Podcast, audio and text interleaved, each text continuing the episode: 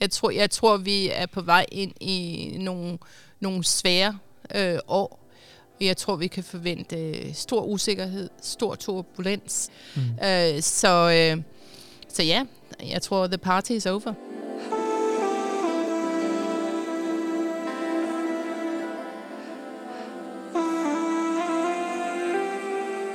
Ingen ved, hvad fremtiden bringer. Men nogen har en bedre forudsætning for det end andre. I denne podcast-serie, der vil nogle af landets ypperste forskere dele, hvad de ser ude i horisonten. Hvilken retning trækker netop deres felt, vores fælles fremtid, i.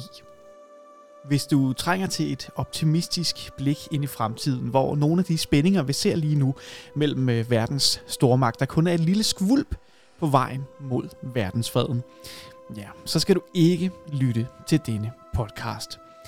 Hvis du derimod gerne vil have konkretiseret og nuanceret din fornemmelse af, at vi lever i en brydningstid, ja, så kan du trygt lytte med. Trine Flockhart, hun er professor i international politik, og hun ser, at nogle af de tektoniske plader i verdensordenen, de bevæger sig i de her år. Hvad er det, hun kigger efter for at nå frem til den konklusion? Og ja, er vi på vej mod 3. verdenskrig?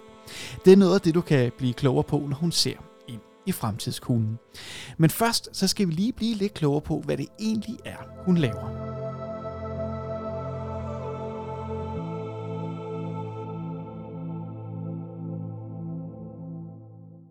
Du skal forestille dig, at øh, du er til en familiefest og har fået en øh, borherre, som ikke øh, kender dig. Du kender selvfølgelig heller ikke ham.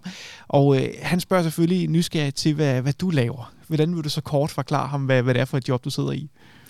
Jeg sidder, jeg sidder i et job, hvor jeg øh, undersøger den verden, vi lever i, specielt i den, den globale og den internationale verden. Så jeg kigger på nogle af de rigtig store spørgsmål om fred og krig og orden øh, i, det, i det internationale system.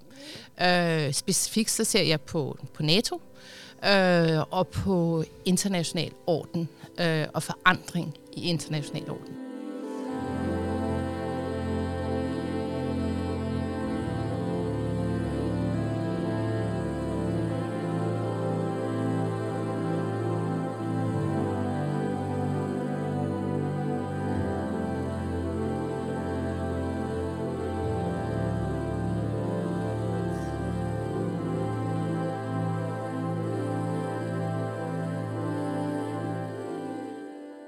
Vi lever jo i en brydningstid, og det er også lige præcis derfor, at, at jeg synes jo, at det var øh, værd os, og hvad hedder stedet, bestræbe på at få dig med, fordi at, øh, at, at lige præcis dit studie er jo måske mere relevant, end, end, end det har været længe, men det, det kan du jo selv lige få lov til at, at komme ind på. Men kan du ikke ligesom at starte prøve at forklare mig, hvordan, øh, hvordan bedriver du egentlig din forskning? Altså, min forskning er egentlig usædvanlig i den forstand, at jeg altid har været fascineret af forandring. Hvorimod i international politik, der er man egentlig mere interesseret i stabilitet, hvor jeg kigger på forandring. Uh, så det giver nogle metodiske udfordringer, fordi hvordan studerer man fremtiden? Uh, man har ikke noget, man har ikke nogen metoder, der kan sige, jamen, øh, det her det er fremtiden, det er sådan, det vil være. Uh, så der bliver man nødt til at bruge nogle andre metoder, end dem man normalt vil bruge inden for videnskaben. Og det er sådan noget som fremtidsanalyse. Øhm, og det er jo ikke fordi, at man skal kunne forudsige fremtiden, fordi det kan man ikke. Men man kan godt tænke i nogle baner omkring fremtiden, hvor man simpelthen forsøger at øh, forestille sig, hvad der kan ske. Og ud fra de forestillelser, man, man så kan kæde sammen, der kan man lave nogle scenarier for, hvordan man tror, den nuværende situation vil kunne udvikle sig øh, om 5, 10, 15, ja måske endda 25 år frem i tiden.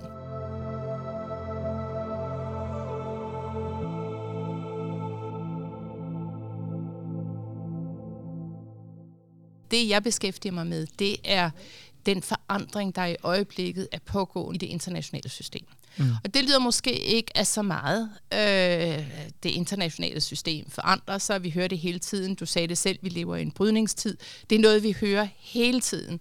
Og nok noget, som går ind af det ene øre og ud af det andet for de fleste mennesker. Men det er faktisk enormt vigtigt. Så hvis nu jeg giver dig nogle årstal, lad os sige 1815, 1914, 1945, øh, ja, det skulle være 1919, 1989 og så 2022. Hvad, hvad, hvad, hvad, hvad sker der på de årstal? Det er jo nogle, vi alle sammen lærer i skolen. Ja, altså, øh, der, der sker jo en eller anden form, for, i hvert fald for dem, at jeg lige sådan kan på ryggraden, ikke? Altså, der, der, der sker der jo en eller anden stor forandring i sådan det store geopolitiske billede, kan du sige. Der, der er nogle magter, der går i, går i clinch med hinanden, ikke? Præcis. Ja. Det, det er de årstal, som vi har. Øh, Jeg kunne også sige Ja, 89 er det 1648. så, kan du sige, en fredelig udgang, men ikke desto mindre. Præcis, Ja. ja. præcis. Fordi altså det, der sker, når den internationale orden eller øh, systemet forandrer sig, det er, at der kommer nogle vanvittigt store processer i gang. Og det går normalt ikke stille af sig. Øh, det bliver tider, der er karakteriseret af politisk turbulens, øh, social usikkerhed og omvæltning, og i, meget, i de fleste tilfælde, du nævnte lige 89, hvor det ikke skete, øh, så er der også næsten altid øh, vold og konflikt og, og, og, og krig. Mm. Så øh, forandring i det internationale system er en sjælden begivenhed, men det er en enorm vigtig begivenhed, og vi er pt.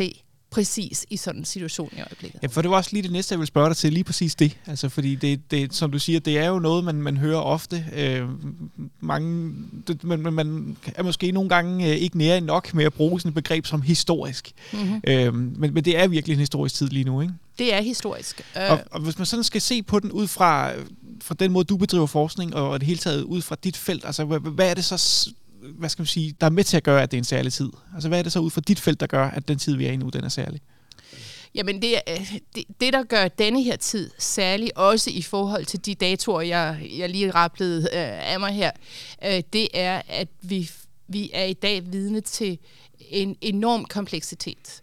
Og en, en, en, sådan en, øh, en proces, hvor der er sideløbende forandringsprocesser, som føder ind i hinanden og forstærker processen og gør det meget, meget svært at styre de processer, som vi er i gang med, og som på mange måder udfordrer vores eksisterende politiske institutioner, vores øh, multilaterale institutioner, og hele vores måde at tænke på, både som almindelige borgere, men også inden for, øh, for som, som, som, som inden for videnskaben for eksempel, og problemløsning, det, er, øh, det, det bliver mere svært at øh, fokusere på et problemfelt, fordi de er alle sammen kædet sammen i meget sådan komplekse øh, og uigennemtrængelige øh, øh, forhold.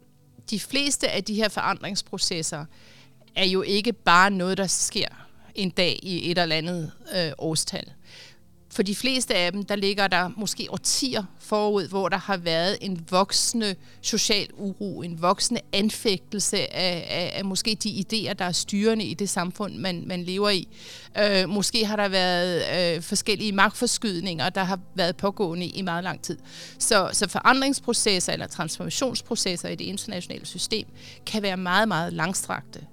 Problemet er, at man kan først se dem i bagklogskabens klarlys. Mm. Og normalt kan man først se dem, når man er kommet forbi et tipping point, hvor det ikke længere er muligt at, at holde igen og forsøge at kontrollere den her proces. Den har simpelthen fået en dynamik, som gør, at den er ustoppelig. Og jeg vil sige, at den proces, som vi ser i øjeblikket, øhm, der kom vi måske forbi et tipping point, måske i 2008 med den finansielle krise, måske i 2014 med, med den første øh, russiske invasion af Ukraine, hvor de med, med Krim, øh, og med den 24. februar 2022, der står det absolut klart, at den internationale orden, som vi har haft indtil videre øh, fra 1945, øh, den er anfægtet og øh, er sandsynligvis i en eller anden form for øh, transformation i øjeblikket.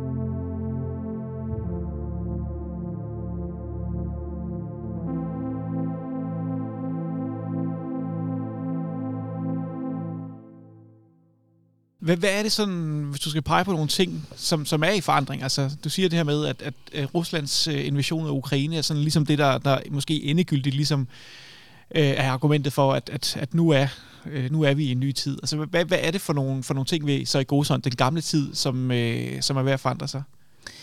Så, så jeg opererer med det her begreb, der hedder uh, structure of relations. Mm. Og det, der er sket, det er, at i de sidste 250-300 år, der har måske, måske mere, måske kan vi sige 500 år, der har det været Vesten og vestlige idéer, der har været styrende. Og der har der været en, en struktur af relationerne på global vis, der har været styret fra Europa, sidenhen fra USA, øh, og, og hvor, man kan, hvor man kan kalde det en kerneperiferi øh, form for, for forhold. Det er så gennem globaliseringen blevet til et mere komplekst system, hvor det, der stadigvæk er en kerne, men dem, der sidder ude på periferien, har fået flere øh, muligheder for at, øh, for at aktivere deres egen øh, aktør, aktørstatus og kunne øh, formidle deres egen politik osv. Det har man troet, at der var man i den, den her struktur øh, i lang tid. Den hedder Decentered Relationships. Øh, og det tror jeg ikke, vi er mere. Nu tror jeg, at vi er på vej ind i en helt ny form for struktur øh, of relations, som jeg kalder en clustered form of relations. Og den, den vil være værdibaseret, hvor man vil få nogle klynger, øh, der øh, konvergerer omkring ledende stater, højst sandsynligt holdt sammen af forskellige værdier. Og det, det, er jo, det er jo det, der er kernen i det her, fordi mm. det er forskellige værdier, der ikke nødvendigvis er de vestlige værdier. Det, der har holdt det hele sammen hen, indtil nu, det har øh, været vestlige idéer. Nu er vi kommet til en situation, hvor man kan sige, at der er også øh, for eksempel Kina har sit eget værdisæt og er i gang med at skabe en klynge eller deres egen internationale orden. Og man kan også sige, at det er det, Putin har gang i. Mm. Så vi ser nu en forandring af det internationale system, hvor i stedet for at have én international orden, øh, som vi har haft siden 89, hvor det var den liberale internationale orden, der har været styrende for, hvordan man løser problemerne i, på det globale niveau, øh, der får vi nu en situation, hvor der vil være flere forskellige internationale ordner på det globale, inden for det globale system.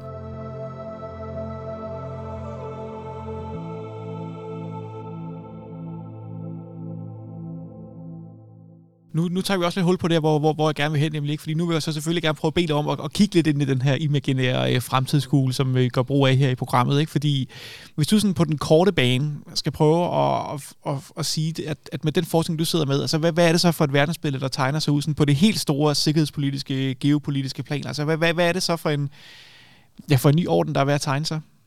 Altså, der, man, man skal skelne mellem den globale orden og, og, og de internationale ordner. På det globale niveau, der har der, der, øh, der kan man måske godt samarbejde om, om nogle ting.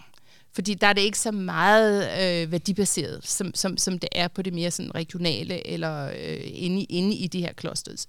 Men jeg tror, den, den verden, vi går i møde, den vil som sagt være øh, en verden, der består af flere klynger eller flere internationale ordner, som hver især har deres egen idé om, jeg kalder det the good life. Hvad er det, der er det gode liv? Hvad betyder mm. orden egentlig? Hvad er det for nogle ting, vi gerne vil opnå? Og hvad er det, der holder os sammen som, som en gruppe? Og der tror jeg, vi vil se i hvert fald tre i hvert fald den liberale internationale orden vil fortsætte, men den vil ikke længere være the big cat around her, den, den vil skulle dele magten med andre. Så er Kina i fuld gang med at oprette sin egen orden gennem øh, øh bælte- og vej-initiativet for eksempel. Det bliver sådan en økonomisk baseret orden, hvor de forsøger at, at drage medlemmer ind i orden gennem trans, trans, transactional øh, øh forhold. Og så har vi så Putin, som er ved at skabe sin egen euroasiatiske orden. Øh, men han gør det gennem magt. Mm. Og det er jo enormt forstyrrende.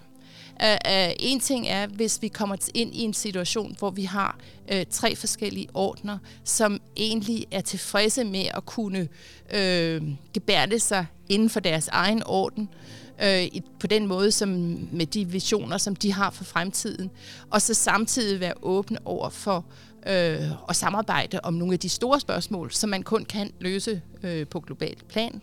Øh, klimaforandringer for eksempel, pandemier. Øh, der, der er masser af udfordringer, der skal løses på globalt plan.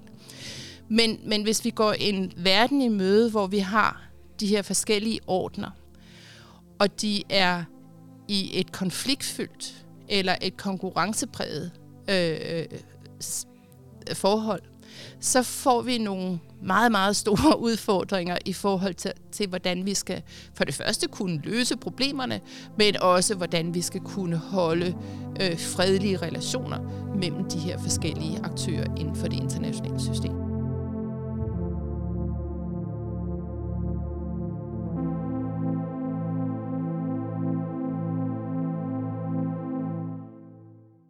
Men så altså, hvis vi sådan ser ind i, øh, i ja, igen sådan på den sådan halvkorte, mellemlang bane, hvad man nu vil, sådan 5-10 år ude i fremtiden eller noget, ikke? Altså, så noget af det, som vi oplever, det er, at, at vi som borgere i, måske i den vestlige verden, altså skal til at forberede os lidt på, at det, det er altså en anden verdensorden, øh, vi ser ind i, og måske også en, en lidt mere kompleks en af, af slagsen. Altså, hvilken betydning tror du, det, det kommer til at få for jer, også almindelige mennesker? Altså, hvordan, hvordan kommer vi til at støde på det? Jeg, jeg tror, det vil have enormt stor betydning, fordi at det er, øh, hvis vi ser på vestens øh, historiske proces, så har det været en øh, Øh, gradvis his, en historie om gradvis udvidelse af vestlige idéer, udvidelse af demokratiidéer osv., udvidelse af øh, vestlig øh, dominans, enten gennem øh, kolonitiden, eller gennem handel, eller gennem øh, andre former for øh, dominans. Det er, man, det, at det er ens eget værdisæt, der er det, der styrer øh, dagsordenen, giver jo en, en vis magt. Øh, Øh, og der tror jeg, at vi skal til at vende os til, at den tid er forbi. Øh, så vestens tid, øh, hvor vi kan regne med, at alle andre følger vores måde at se øh, verden på, øh, den, den, den kommer ikke til at, at fortsætte. Og det er jo sådan nogle ting, som for eksempel, hvis man, hvis man for eksempel tager udviklingspolitik, så har man et begreb, der hedder good governance. Good governance, det er vestlig governance. Mm. Det er vores idéer om, hvad det vil sige at have god styring. Og så kommer der sådan nogen som, som, som Kina og siger, nu skal I bare høre, øh, vi vil bare gerne have jeres mineraler, men, mm. men hvad I ellers gør, det er vi totalt ligeglade med. Øh, og så får I en masse penge for det. Det kan godt virke meget, meget fristende. Øh, og det vil være forstyrrende for... Øh, for den måde, som øh, hele den liberale internationale orden, FN-systemet osv. har fungeret på ind, indtil videre. Og det tror jeg er noget, vi skal til at vende os til, at det ikke længere er Vesten, der styrer på den måde i hvert fald.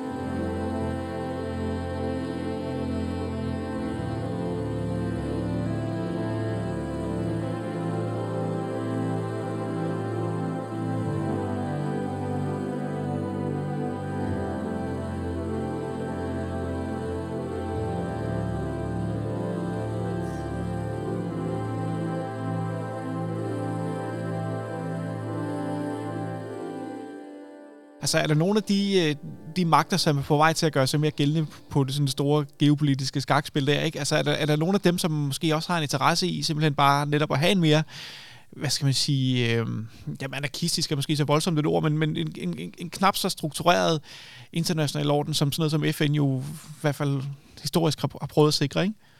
Jo, det, det, det tror jeg det bestemt, der er. Altså, jeg, jeg synes, at øh, jeg tænker på, på swingstater. Altså, begrebet swingstater er jo noget, der kommer fra amerikansk politik. Øh, amerikansk indrigspolitik, men jeg tror også godt, man kan bruge det begreb i international politik.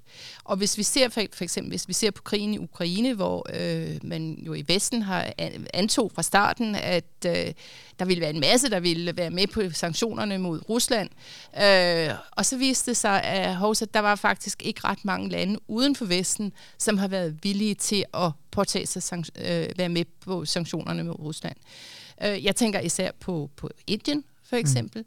Men der er også andre øh, swingstater, som øh, ikke har tilkendegivet, hvilken af de her forskellige ordner, de vil være med i, eller om de bare vil, eller bare, det er ikke bare, eller om de vil være sådan en, en øh, enegangs uafhængig form for stat, som, som flørter lidt med den ene, og så lidt med den anden, og får noget ud af, af alle sammen. Og der tror jeg godt, at man kan sige, at i hvert fald Indien i, for, i, i øjeblikket ligger der. Man kunne også sige Tyrkiet, øh, Sydafrika, Brasilien, Indonesien. Der er en hel sådan række af, af de her stater, som ikke er villige til at indordne sig under øh, en eller flere af de ordner, der i øjeblikket er, er på tapetet, men som øh, navigerer i det her internationale system på en, på en, en måde, der er til gavn for dem selv. Mm. Og det kan man selvfølgelig ikke fortænke dem i, øh, men, men det gør det sværere at spå om fremtiden, øh, når man har øh, de her mere uberegnelige faktorer at, at tage med.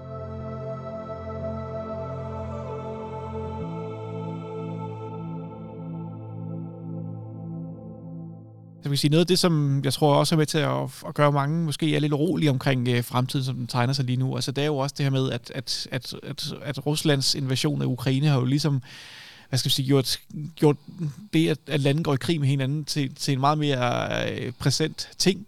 Øhm, vi bliver også ved med at høre om, om, om Kina og Taiwan, og hvordan vil USA stille sig i, i en eventuel konflikt der, og, og sådan i det hele taget, så er det som om, at der er sådan en konfliktoptrapning, mm. sådan helt øh, aktuelt i de her år, ikke? Altså, jeg ved godt, at det er måske et lidt stort spørgsmål, og svært at, sådan, at, at svare entydigt på, men alligevel, altså, hvor, med det, du sidder med, altså, hvor meget går sig, tegner sig i retning af, at der godt kan, kan ske en, en, en endnu større konflikt, end det, vi ser i øjeblikket? Altså, at de her lande for alvor går i flæsket på hinanden? Hvor sandsynligt er det? Ja, det kan, det, kan man, det, kan man jo ikke, øh, det kan man jo ikke forudsige, øh, men der er i hvert fald inden for international politik mange, som mener, at når man har en situation, hvor en magt er for nedadgående, og en anden er oprejsende, som man har i forholdet mellem USA og Kina, og Rusland er ikke med i den her beregning, øh, at så er der en meget, meget stor øh, risiko for, at de her to magter, de falder ned i, hvad øh, bliver kaldt tykkedids fælde. Og det er, at de kommer til at gå i krig med hinanden, fordi at, de ikke, øh, fordi at den, den, den faldende magt vil ikke acceptere øh, sin skæbne som at blive skubbet af, af, af førerpositionen.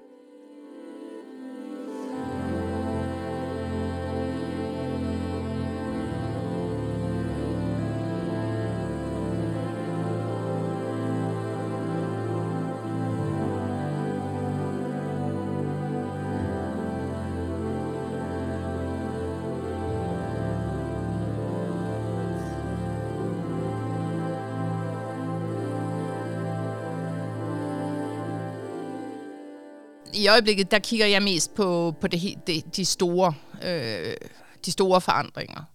Øhm, og der er det jo nok... Øh, altså, jeg, jeg kigger både på magt. Der er mange i international politik, der kun kigger på magt. Øhm, det gør jeg ikke. Jeg kigger også på, øh, som jeg sagde, det her med ideen om det gode liv. Mm. Øh, hvor kan man finde øh, øh, et rum, eller områder, hvor man kan mødes og kunne blive enige, måske kun om småting, men i hvert fald, hvor man kan tale på tværs af skillelinjer. Øh, så det, jeg i øjeblikket sidder med, det er netop at prøve at finde, jamen, hvor er der, hvor er der huller, hvor man kan samarbejde. Øhm, og øh, der er der både nogen, hvor man skal samarbejde, som jeg nævnte, klimaforandringer for eksempel, er jo noget, man skal samarbejde med. Biodiversitet, der er masser af ting, der er galt med planeten, hvor det er nødvendigt at samarbejde. Øhm, og der tror jeg, der tror jeg faktisk, at det, at det er der vores største chance for at, at få en sådan institutionelt betinget øh, form for samarbejde er inden for det, man måske kunne kalde environmental stewardship, altså mm. hvor, hvor det er miljømæssige og planetmæssige øh, spørgsmål, man, tager, man, man forsøger at samarbejde om.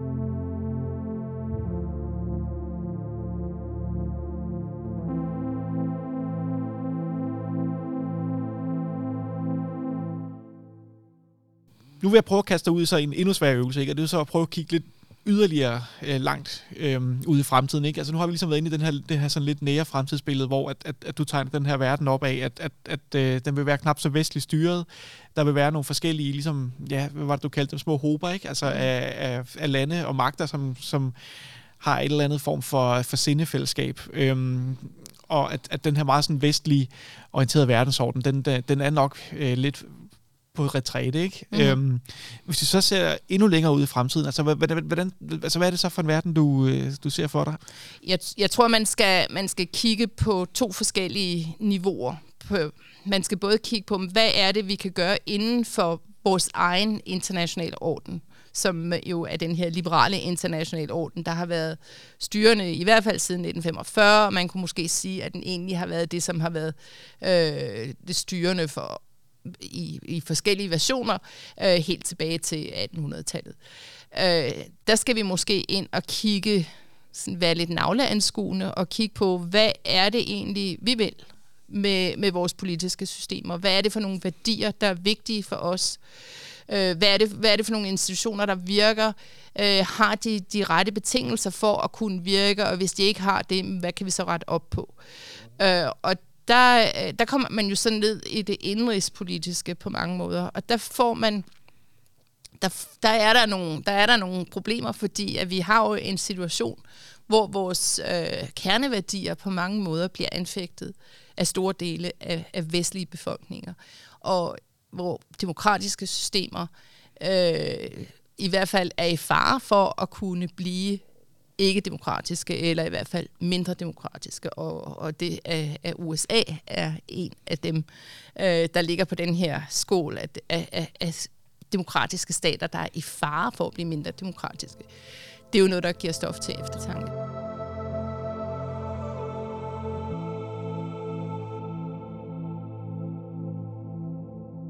Altså er det, er det en, mere, altså, en mindre fredsfuld tid, vi, vi, kan, vi kan forvente os ind i? Ja, det tror jeg. Jeg tror, jeg tror vi er på vej ind i nogle, nogle svære øh, år. Jeg tror, vi kan forvente øh, stor usikkerhed, stor turbulens, øh, og at øh, vi kommer til at skulle tænke i nogle helt andre baner, end, end vi har før. Og det er jo ikke bare øh, i forhold til international orden, det er jo også i forhold til de udfordringer, som der bare skal tages vare om nu, og jeg tænker her især på, på klimapolitikken. Mm. Øh, så, øh, så ja, jeg tror, the party is over. og med de ord, så, så nåede vi ja, helt bogstaveligt talt for det her programs vedkommende i hvert fald til, til vejs ende. Lad os håbe, det ikke er sådan i det helt store billede, vi, vi er nået til vejs ende, trods alt. Mm. Men, men Trine Flokker, det har været, om ikke desto mindre, så er det i hvert fald meget interessant at, at, at, at, at se, ikke mindst på, øh, hvad det er for en fremtid, du ser, men også hvordan du, du når frem til det. Tak fordi du har lyst til at være med. Selv tak.